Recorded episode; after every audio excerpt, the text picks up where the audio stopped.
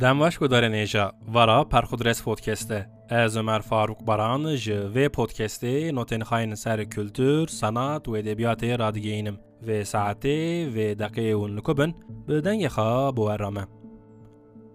این بو و لدوه جی پاشین بو لزمان مالاده و باوه من لدروا کو جه هوالن خاین زقاق هو بوم کو لدوین سبته من شوق در باس بو شین گرانده بو سبا Hîn tesîra wê sebtê li ser min bû di kitaban da min dîbû ko dibêjin şemî ji wê royera. Dura wexta herba Kobaniyê ji evên ji wê hêla xetê hatibûn vê hêlê min piştîn bihîstibû. Paşîn, sebt, şemî û piştîn.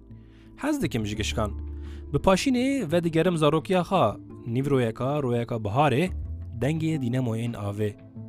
Sebt esnafan tîne bîra min ji esir. Li ser kursiyên kevin rûniştine meseleyên mezin şorê dikin millet û memleket. شمی چه پیوکا جدیه؟ تو دو بیجی که آ بری وی نه اینه. هفت روین هفته که جی ناوی نوینه شمی جدو شمی هین رسمی. و پشتین. وقتا لبرگو هم کتبو جه حربه ساق فلتی بو هاتبو لما به حالکی حنون نولا ناوکی مالویرانه تم لجمن پشتین شمی سبت پاشین.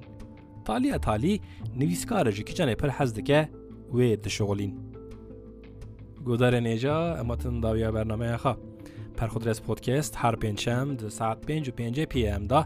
به بشکانو بورایه و گاوه بخاطر و.